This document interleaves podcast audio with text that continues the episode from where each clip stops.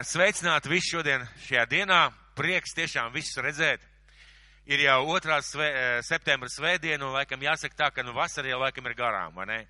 Eh, Tuvojās rudens, bet ir brīnišķīgs skaists rudens. Mums priekšā ir lielisks laiks, par kuru daudzās pasaules zemēs var tikai sapņot.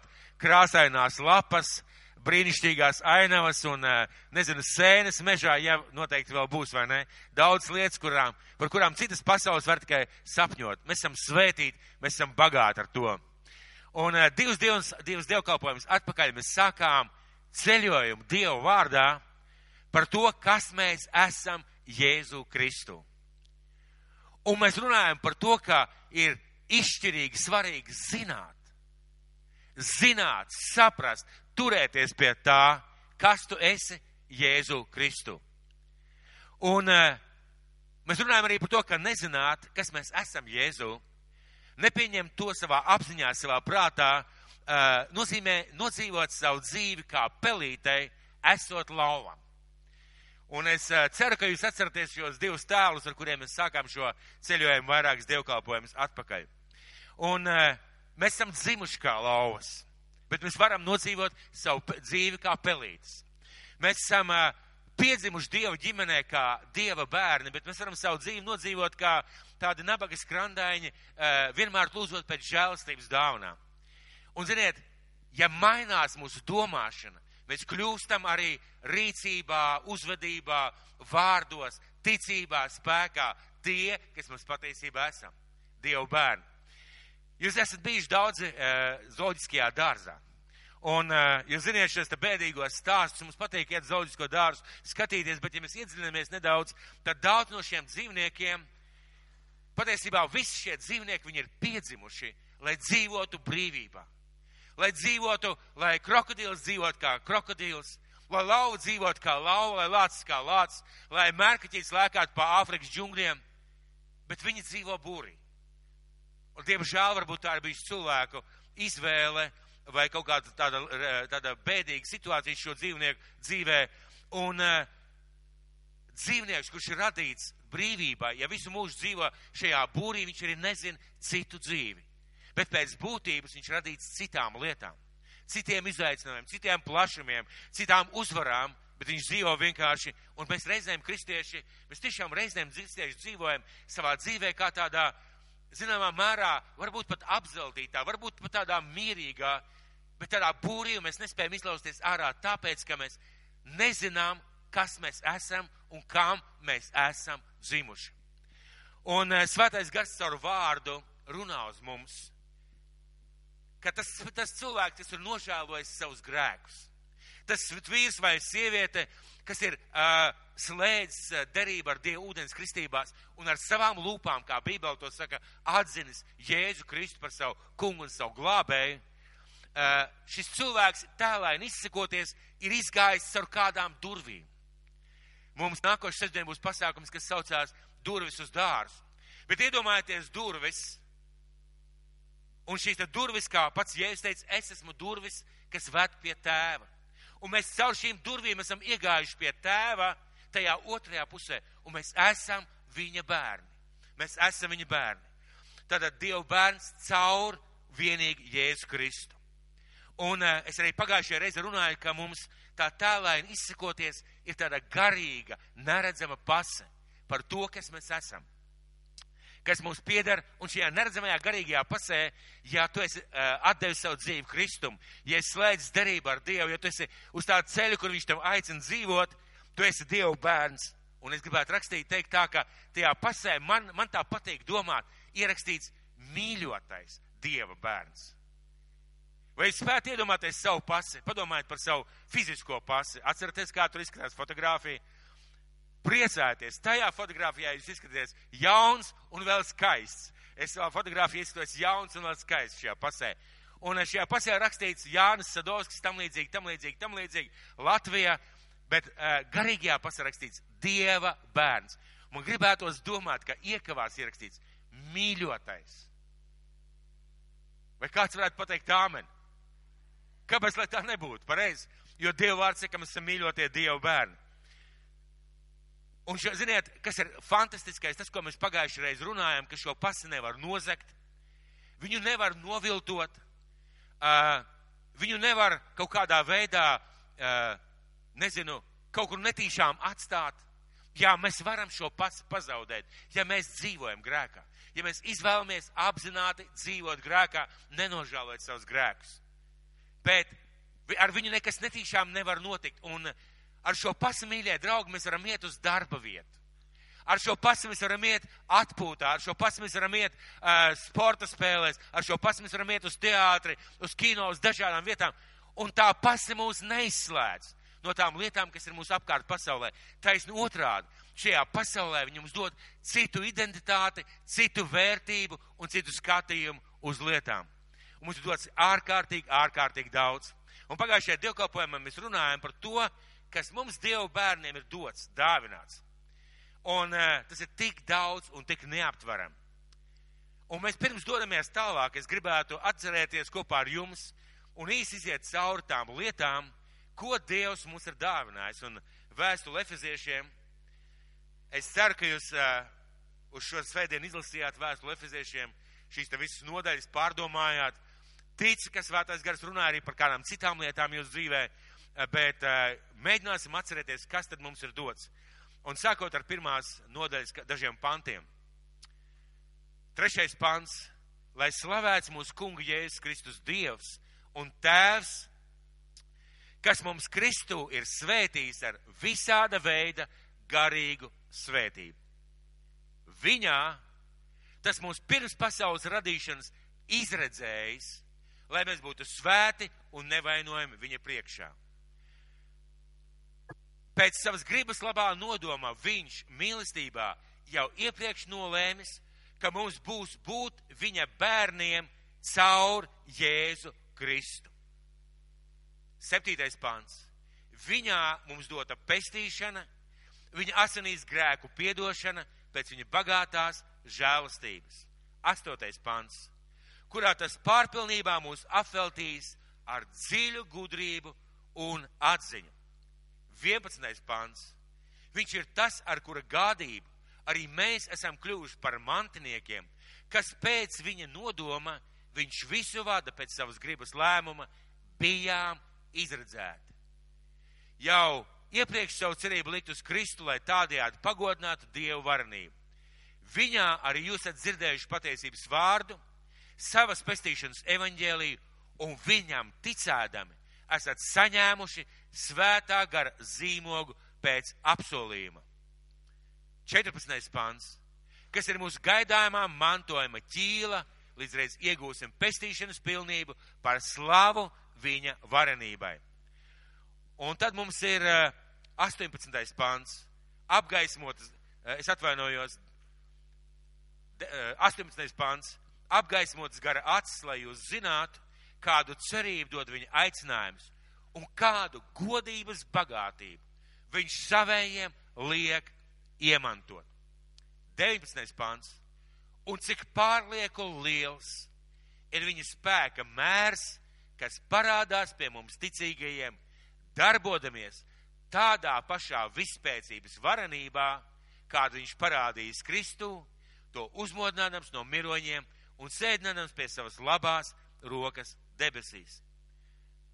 Un visu viņš nolicis zem viņa kājām, bet viņu pašu visās lietās iecēlis par galvu draudzēji, kas ir viņa miesa, pilnība, kas visu, visur piepilda. Un otrās nodaļas 19. pāns. Tātad, tātad, jūs tagad vairs neesat svešinieki un piedzīvotāji, bet vienas valsts pilsoņi ar svētajiem, Dieva saime, nams uzcelts uz apustuļu praviešu pamata, kura stūrakmens ir Kristus Jēzus. Viņā visa celtne kopā salaista aug par svētu templi tam kungam. Un viņā arī jūs līdz tiekat uzcelti par Dieva mājokli garā. Un šis saraksts ir vēl absolūti nepilnīgs. Šis saraksts ir vēl absolūti nepilnīgs, un šo sarakstu varētu turpināt, turpināt, turpināt un turpināt. Kāpēc Dievs vēlās mums šīs lietas atklāt? Kāpēc Pāvils raksta šo vēsturi vēstuli ticīgajiem un svētajiem Efizā un ticīgajiem un svētajiem Latvijā draudzē cerība Rīgā. Kāpēc? Lai mēs zinātu, lai mēs zinātu, kas mums ir dots, lai mēs uz tā varētu stāvēt, lai mēs būtu pārliecināti. Un tagad dosimies tālāk. Ceturtā nodaļa, sakot no pirmā panta. Varbūt kādam ir kāda atklāsme, kas varētu padalīties ar kādu lietu, ko viņš saņēma no šīs ceturtās nodaļas. Ja kāds izlasīja. Sāksim ar pirmo pantu. Tad nu važās slēgts sava kunga dēļ, es jūs mudinu. Dzīvojiet tā, kā to prasa jūsu aicinājuma cieņa.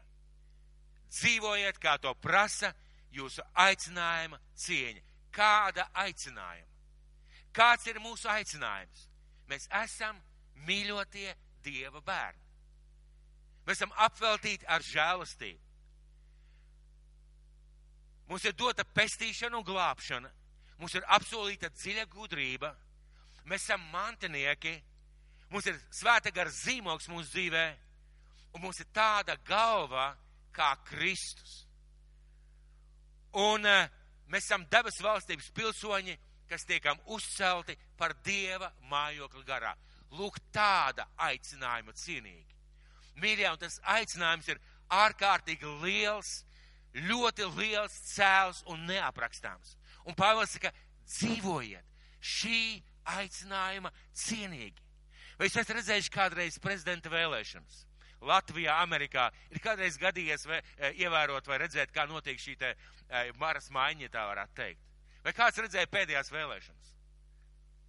Kāds redzēja pēdējās vēlēšanas? Daži redzēja. Tas ir ārkārtīgi interesants moments. Jā, protams, cilvēks zina, ka par viņu vēlēs, cilvēks zina, ka būs balsošana, cilvēks zina, bet arī šajā reizē bija vairāk kandidāti. Un, ja jūs atceraties, viņi visi atnāca vienādi. Vienkārši deputāti pārstāvi no kādas partijas vai ne no partijas. Bet tad, kad visu nobalsoja, viņš uzkāpa šīs skatuvus un tajā mirklī kad tika saskaitītas balsis, viņa status mainījās. Viņš vairs nebija vienkārši Latvijas valsts pilsonis vai deputāts. Viņš bija Latvijas valsts prezidents. Tajā mirklī viņam jau bija nozīmēti miesas sargi. Kad viņš gāja ārā no zāles, viņu jau pavadīja vai sagaidīja kā valsts prezidentu. Un tajā mirklī mainījās viņa aicinājums.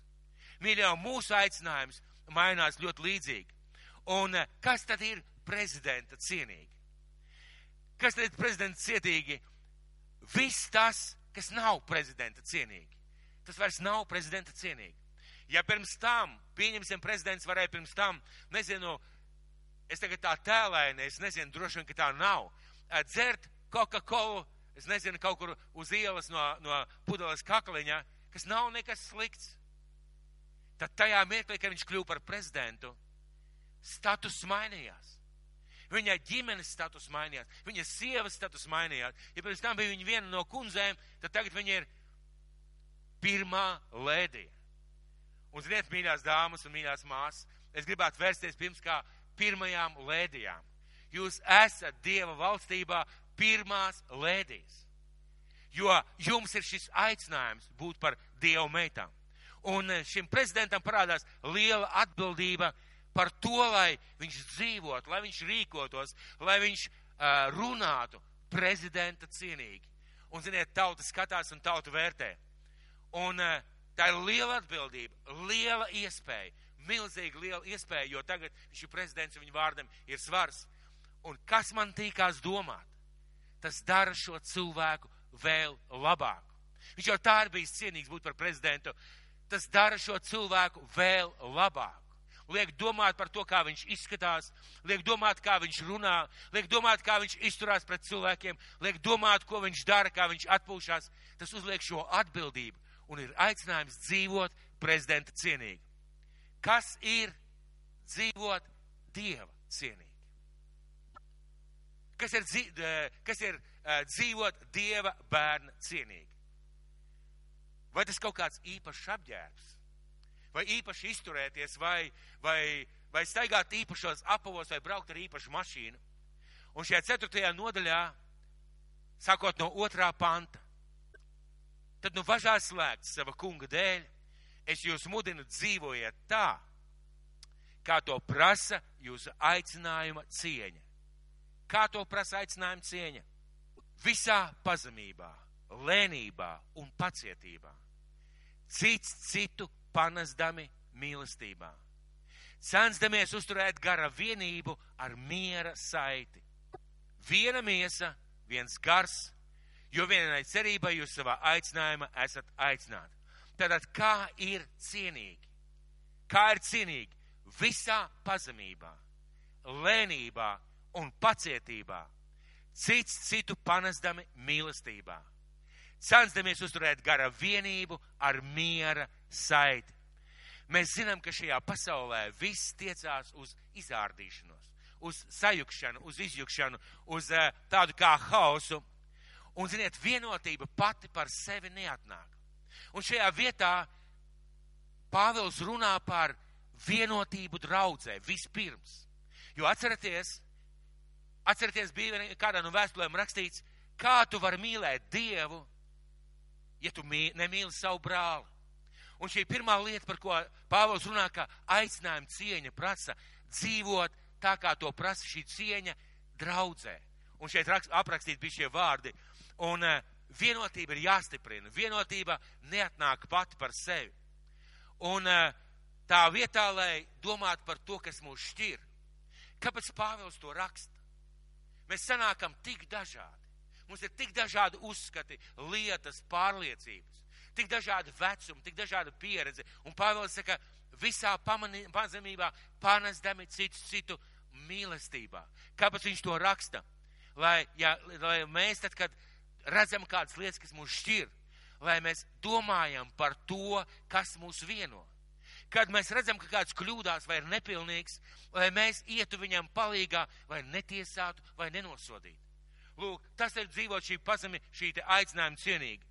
Kāpēc? Jo mēs esam viena tēva bērni. Un cilvēkiem tas ir jāredz.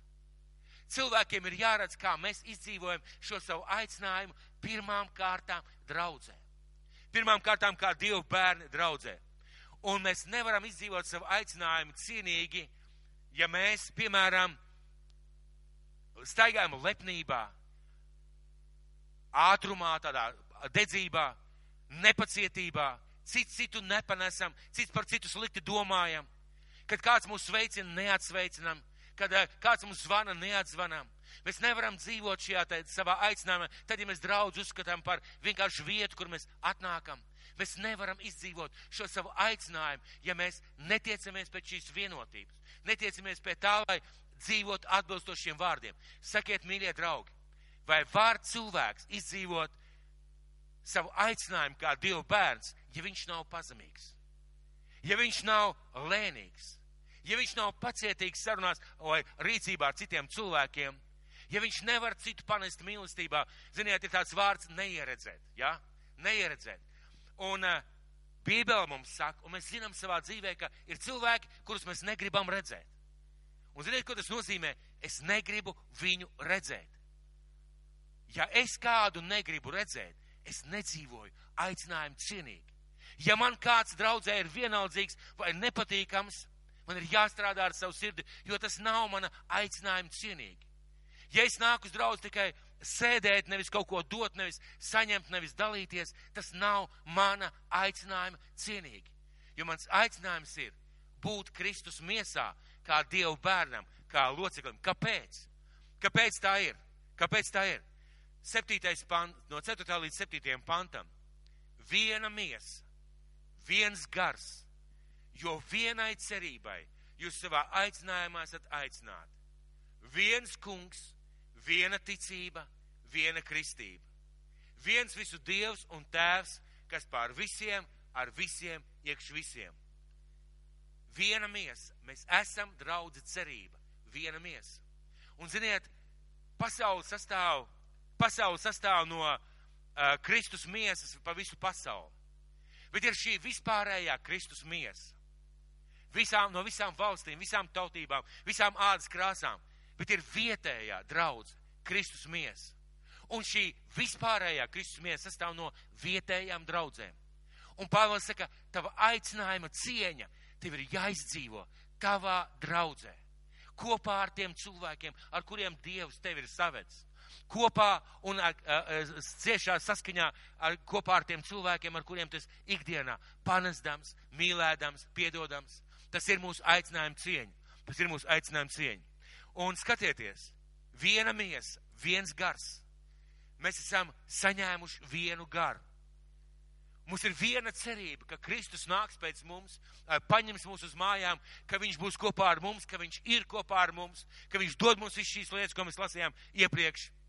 Viens kungs, mums tikai viens kungs. Es zinu, ka tie cilvēki, kuriem ir daudz bērnu, vai bijuši daudz bērnu, vai ir daudz bērnu, mums paši ģimenē ir izauguši trīs bērni, ziniet, vecākiem visnepatīkamākais ir tas, ja bērni ķīvējās. Un tu īsti nevari saprast vispār, par ko ir runa viens uz otru dusmīgs, viens uz otru apvainots. Visvairāk droši vien nepatīk vecākiem, pareizi. Un tā ir taisnība. Mūsu tētim ļoti nepatīk, ka Dieva bērni ķīvējās. Tu neesi tāds, tu neesi šitāds. Es esmu tāds, a to vēl neesi tāds. Dieva tēvam ļoti nepatīk, ka Dieva bērni tādā veidā skatās. Tad viens tā, Dievs un tēvs, kas pār visiem, ar visiem. Iedomājieties, tēvs tev stāv blakus pār visiem un iekš visiem.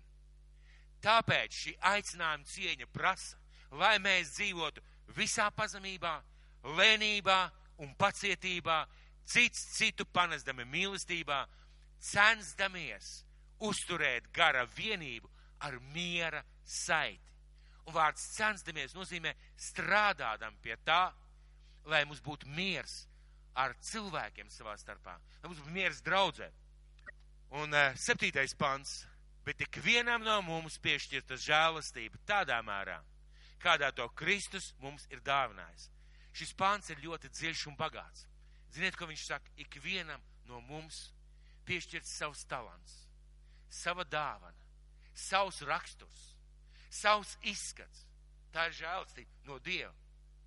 Žēlastība no Dieva. Ik vienam no mums ir piešķirta žēlastība tādā, tādā mērā, kādā to Kristus mums ir dāvinājis. Kā lai mēs dzīvojam tādā saskaņā un kā lai mēs izdzīvojam šo, šo jauno aicinājumu? Mīļā, lielākā problēma visās draudzēs. Jūs varat aiziet, jūs varat aiziet uz kaut kādiem lūkšanu vakariem daudzās draudzēs. Ziniet, ir viena kopēja lieta, par ko visu lūdz. Par atmodu, un otra lieta, kā jūs domājat? Absolūti. Visās draudzēs skan Mums ir vajadzīga vienotība. Mums ir vajadzīga mīlestība savā starpā. Un redziet, mīlēt brāļus un māsas, būt vienotiem viņiem, tas ir mans aicinājums. Tas ir tavs aicinājums.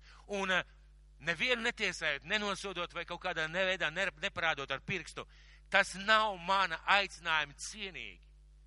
Kā Dieva bērni cienīgi ienīst kādu, neieredzēt kādu, aprunāt kādu, zaimot kādu spriest par kādu, izteikt savu vietu. Tas nav mana aicinājuma cienīgi.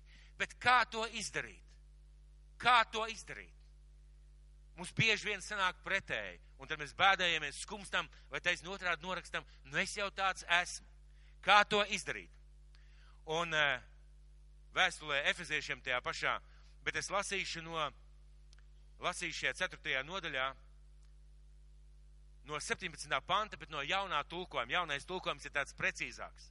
Uh, pareizāk izsaka to domu, ko, uh, kas, ir, kas, ir, kas ir uzrakstīta Bībelē. Un tad 17. pants. To es jums saku un apliecinu kungā. Jums vairs nav jāsteigā tā, kā pagāni dzīvo savu prātu tukšībā. To es jums saku un apliecinu kungā. Jums vairs nav jāsteigā tā, kā pagāni dzīvo savu prātu tumšībā. Kāpēc nav jāstaigā? Kāpēc nav jāstaigā? Tāpēc, ka es esmu Dieva bērns. Tāpēc, ka Kristus par mani nomira un atbrīvoja mani no nespēka nestaigāt tā, staigāt tā. Viņš atbrīvoja mani no šīm važām, staigātā. Un, ziniet, ja mēs iedomāsimies cilvēku, kurš eh, šī mežonīgā zvēra vietā, tad Bībele saka, tās važas tev jau ir noņemtas. Tev nav jāriņķo ap to būdu, tev nav jāsēž tajā žogā, ienaidu dusmu un nepiedošanas žogā. Tev nav jāsēž. Tu esi brīvs no tā, tu esi atbrīvots, un tev tas ir jāzina. Ko nozīmē nav jāstaigā? Tas nozīmē, ka mēs esam brīvi no tā. Mēs esam brīvi no tā. Un uh, kāpēc nākušais pants? Nākušais pants, šis te 19. Kā tad pagāni staigā savu prātu tukš, tumš, tukšībā? 18. pants. Sāksim vēlreiz 17. To es jums saku un apliecinu kungā. Jums vairs nav jāstaigā tā, kā pagāni dzīvo savu prāta tukšībā. Būdami, kāpēc viņi tā staigā? Būdami aptumšots saprašanā, atvesinājušies no dievišķās dzīvības, savas nezināšanas un sirds nocietinātības dēļ. Viņi ir atsvešinājušies no Dieva un viņiem savas nezināšanas dēļ. Viņi nepazīst Kristu, viņi nepazīst Dievu, un tas ir tas, kas ved viņus nākošajās lietās, ved viņus nākošajās lietās, kā tad viņi staigā. Kā staigā cilvēki. Viņi ir zaudējuši kauna jūtas, nodevušies izlaidībai, nepiesātanām, ļaundamies, visādai nešķīstībai. Ne tā jūs iepazināt Kristu. Ko šī vieta saka? Ko šī vieta saka? Šī vieta saka, ka jums nav jādzīvo tā, kā dzīvo pasaule. Jums nav jādzīvo tā, kā dzīvo cilvēki, kur nepazīst Dievu. Un viņi dzīvo tā tāpēc, ka viņi nepazīst Dievu. Ja jūs pazīstat Dievu, jums tā vairs nav jāsteigā. Jūs nesat tajā būrī. Jūs nesat pie tām ķēdēm. Jums tā nav jāsteigā, jo Kristus jūs atbrīvoja no tā. Un iedomājies, patiesībā ir tā, ka mēs varam dzīvot savu dzīvi ne, nemelodami, neienīstami, neaprunādami, piedodami. Mēs varam dzīvot pavisam savādāk savu dzīvi nekā cilvēki, kur, nepiedzī, nu, kur nepazīst Kristu. Un ziniet, kas ir svarīgi ieraudzīt, mēs nevaram. Mīļie draugi, parasti Bībelē, Bībelē teikts, un nevis parasti Bībelē, bet bieži cilvēki saka, tu nedrīkst zakt, tu nedrīkst melot, tu nedrīkst darīt pāri, tu nedrīkst aprunāt. Kā to lai izdara? Tu jau esi brīvs. Un tu savu aicinājumu cienīgi neizdzīvo, ja tu melo, ja tu aprunā, ja tu skaudi, ja tu uh, kritiski izturies pret cilvēkiem, ja tu nepiedod, ja tu esi as, atsardīgs, neatkarīgs un uh, slavas kārs, tu neizdzīvo savu aicinājumu. Tavs aicinājums ir Dievbērna aicinājums, un tev ir cita identitāte, cita nozīme un cita vērtība, citas vērtības, kurām tev vajadzētu kalpot. Ko mums darīt? Pirmām kārtām noticēt, ka mēs varam. Ka mēs varam. Es jau iepriekšējā reizē teicu, ir ļoti daudz cilvēki, ārkārtīgi daudz cilvēki, kurus paklausoties var dzirdēt vienu vārdu vai kuru dzīvi reizēm raksturoja viens vārds. Es nevaru, es nevaru, es nevaru. Un ir lietas, ko mēs, protams, nevaram. Bet ziniet, ko Pāvils saka? Es visu spēju tā spēkā, kas mani stipru dara. Ieklausieties šajos vārdos. Pāvils, kurš bija septītajās debesīs, kurš redzēja Kristu augšām cēlušos, dzīvu, reālu. Pāvils, ar kur rokām mirušie cēlās augšā un slimie tika dziedināti. Viņš saka nevis lielībā, viņš saka, es varu visu tā spēkā, kas mani stipru dara. Un viņš nesaka tikai par sevi. Viņš saka par mums ikvienu, jo mēs esam Dieva bērni. Mums ir šī jaunā identitāte. Mums nav jādzīvo tā, kā dzīvo cilvēki, kas nepazīst Dievu. Mēs esam brīvi no tā, lai tādā veidā dzīvot. Mēs esam Dieva mīļotie bērni. Ko mums darīt? No 20. līdz 22. pantam. Ne tā jūs esat iepazinuši Kristu. Ja jūs to esat dzirdējuši, jo, ja jūs to esat dzirdējuši un mācījušies patiesībā, kāda tā ir Jēzu, tad, ja jūs esat dzirdējuši un mācījušies patiesība, patiesībā, kāda tā ir Jēzu, tad atmetiet savu iepriekšējo dzīves veidu un veco cilvēku sevī, kas savās iekārēs nomaldījies iet bojā.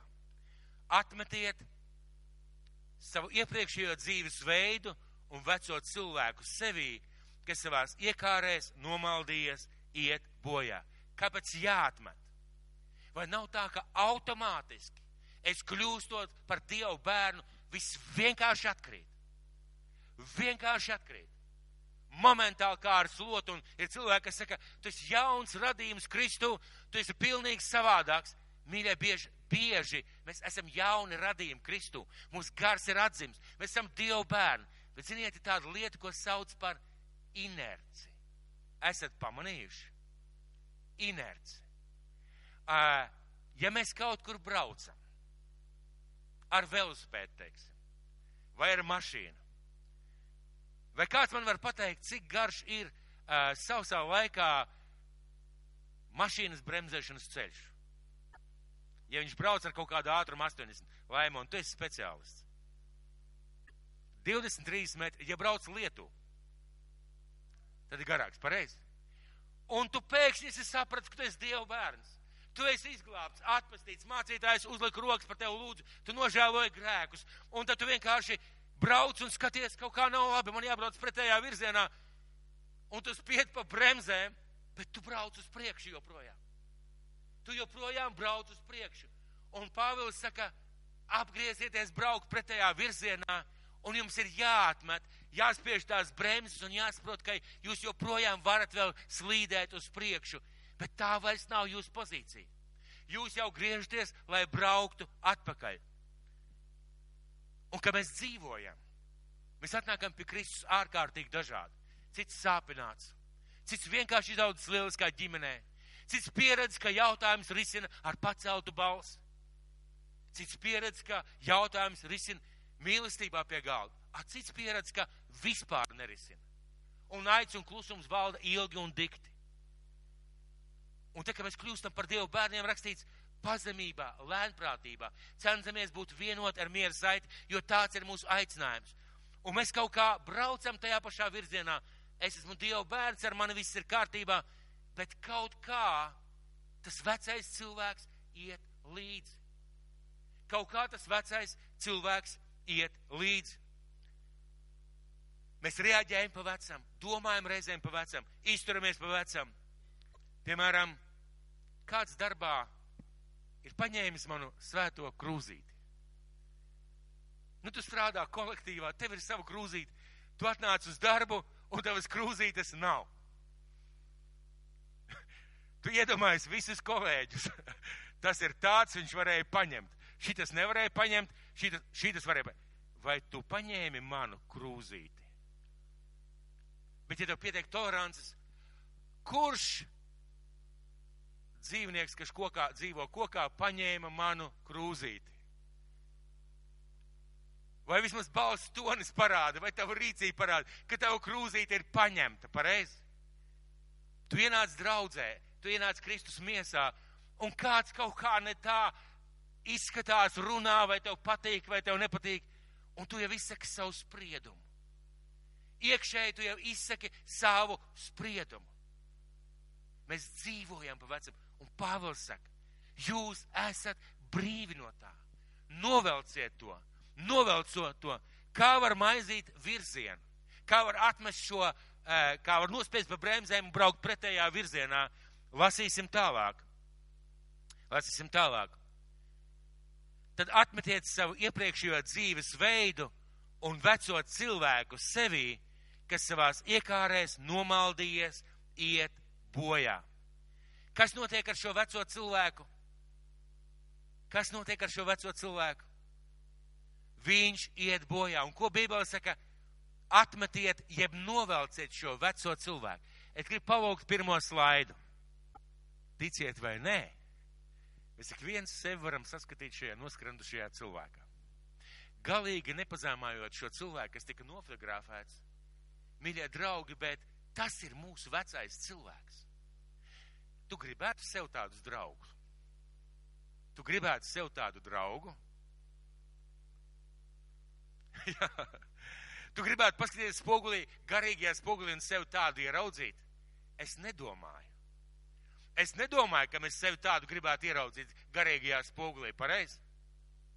Bet tas ir tas, ko Pāvils saka. Lūk, tas vecais cilvēks, viņš izskatās noskrandis, noplīsis, viņš ir galīgi, galīgi šķīps, greis, un viņš iet bojā. Vai kāds gribētu sev tādu draugu? Kurš zog, melo, skauž, aprunā, dara nepareizas lietas, kritizē, tiesā? Grib kāds sev tādu draugu? Āmen! Un viņš runāja, lai mainītu viņu dzīves. Viņš runāja, lai mainītu viņu dzīves. Un svētais gars runā uz mums, lai mēs mainītu savas dzīves un lai mēs tādi vairs nebūtu.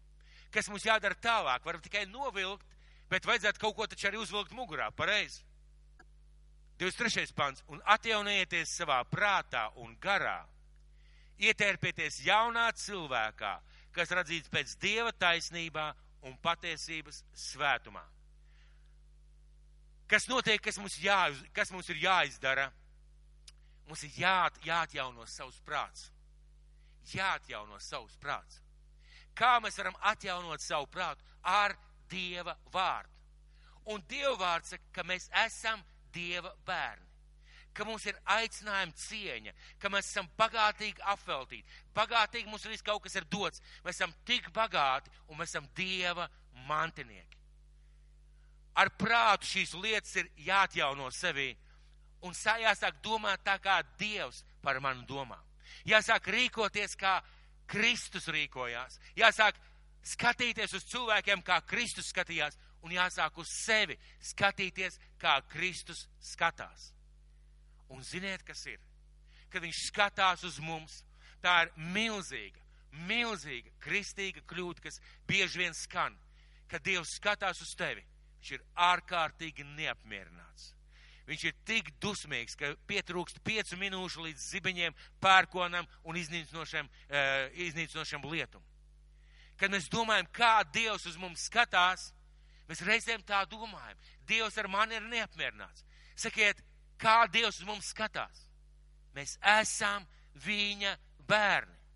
Kā jūs skatāties uz bērnu, kurš uh, ir nogāzis, pieņemsim, nogāzis jūsu skaisto kristālu servīzi no otrā plaukta. Un jūs pat nezināt, kā viņš varēja tikt tajā otrajā plaukā. Kā jūs uz viņu skatāties? Ar mīlestību mēģināt tikt skaidrībā. Ir sevišķi, kad bērniņi ir maziņi, pareizi. Dievs uz mums skatās ar mīlestību, ar smaidu, ar prieku. Mēs esam viņa bērni. Jā, nepilnīgi. Bet tāpēc viņš šeit rakstīja, vispirms jūs esat Dieva bērni, un tāpēc atmetiet veco cilvēku, atmetiet un uzvelciet jauno. Un mums nevajadzētu balstīties, mīļā, uz savām sajūtām. Nelaim tā, ka mēs tik bieži balstamies uz savām sajūtām. Ziniet, kā mēs balstamies? Es nejūtos īsti labi. Es nejūtos īsti cienīgs. Man tik daudz kas nesanāk. Man tur iznāca kļūda, un tur iznāca misēklis, un tur iznāca misēklis.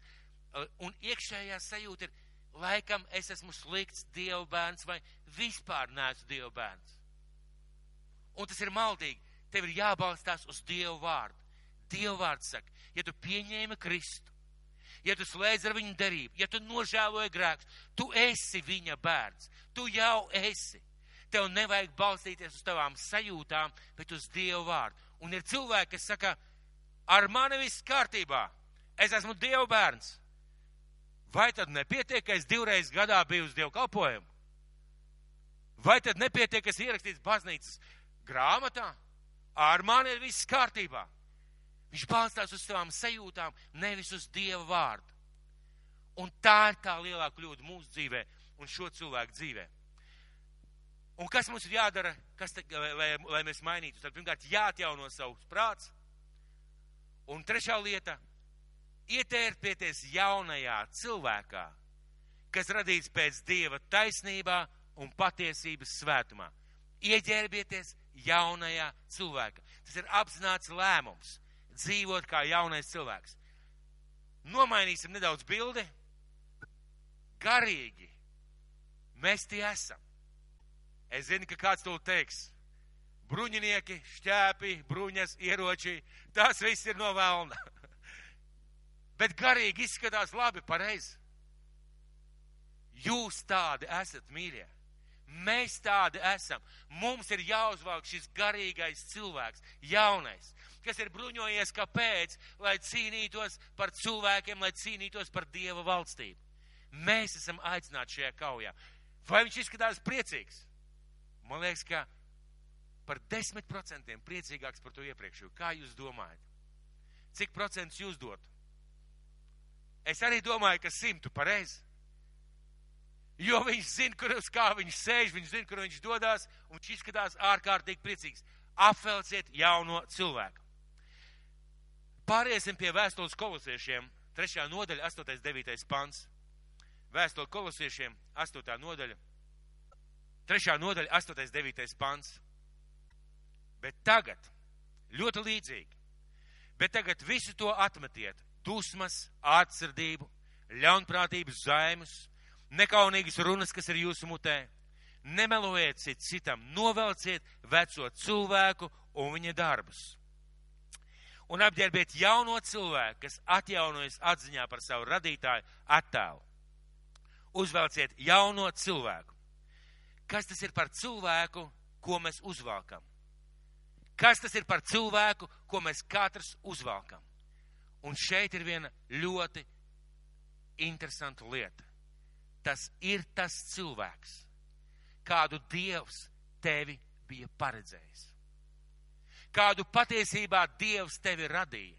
Kāds patiesībā tu garīgi esi tur pie sava debesu tēva, ar savu acu krāsu, ar savu raksturu, ar saviem talantiem, ar savām īpašībām, bet jau izmainīts.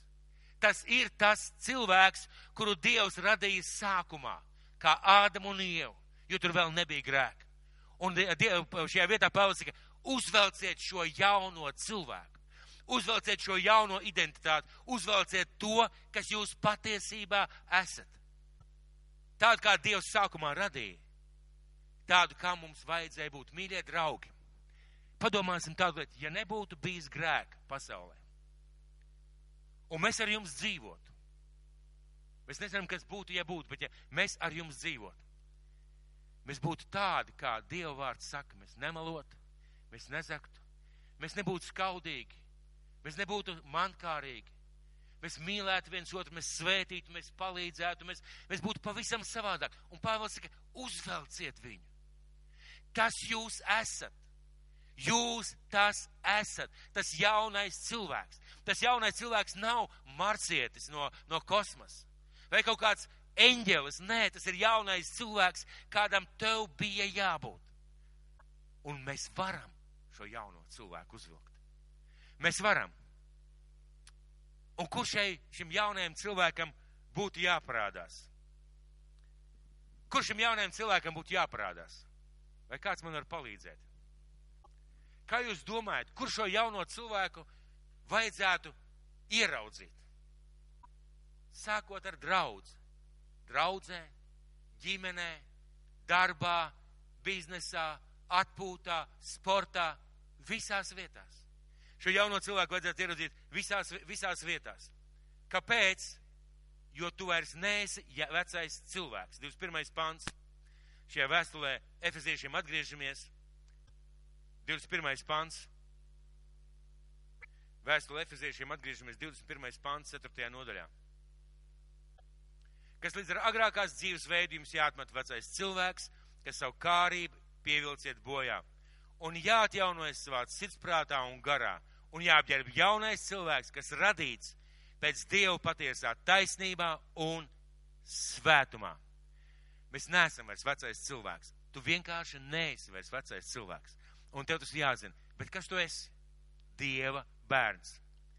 Un tev vairs nav jādzīvo kā vecajam cilvēkam Kāpēc? Jo tu esi atbrīvots no grēka, tu esi nomazgāts, tu esi izmainīts, un tev ir dota jauna identitāte. Un uh, vārdu šodien es gribētu pabeigt ar kādu skumju, bēdīgu un reizēm priecīgu stāstu. Jūs ziniet, ka pāris gadsimtus atpakaļ Amerikā gāja milzīga cīņa starp dienvidu un ziemeļu štatiem par verdzības atcelšanu. Un Abrahams Linkolns šī kara laikā parakstīja šo lēmumu, šo deklarāciju par verdzības atcelšanu. Un uh, bija karš, bija hauss, bija apkārt neskaidrības. Un ļoti daudzi no tiem cilvēkiem, melnādājiem, kuriem likums Amerikas valstī piešķīra pilnīgu brīvību kā personībai, ļoti daudz no viņiem palika joprojām par vergiem. Jo viņiem neviens nepateica, ka viņi ir brīvi. Un tad bija cilvēki, kuri saņēmuši šo brīvību, viņi joprojām palika par vergiem, jo viņi nezināja, ko ar brīvību darīt. Bet bija cilvēki, kur saņēmuši šo brīvību, devās brīvībā, izdzīvoja savu dzīvi jau kā brīvi Amerikas pilsoņi. Un tā lielā starpība. Vieni palika tie vecie cilvēki, citi paņēma šo jauno identitāti. Un, mīļie draugi, mēs esam aicināti kā šie jaunie cilvēki, kā brīvi Kristū, kā atpirkti, kā nomazgāti, kā pilnīgi izmainīti Dievu bērni. Un mūsu aicinājuma cieņa prasa. Un mēs varam, dzirdiet, mēs varam nodzīvot kā šie jaunie cilvēki. Nākamajā nedēļā mums ir dzimšanas diena.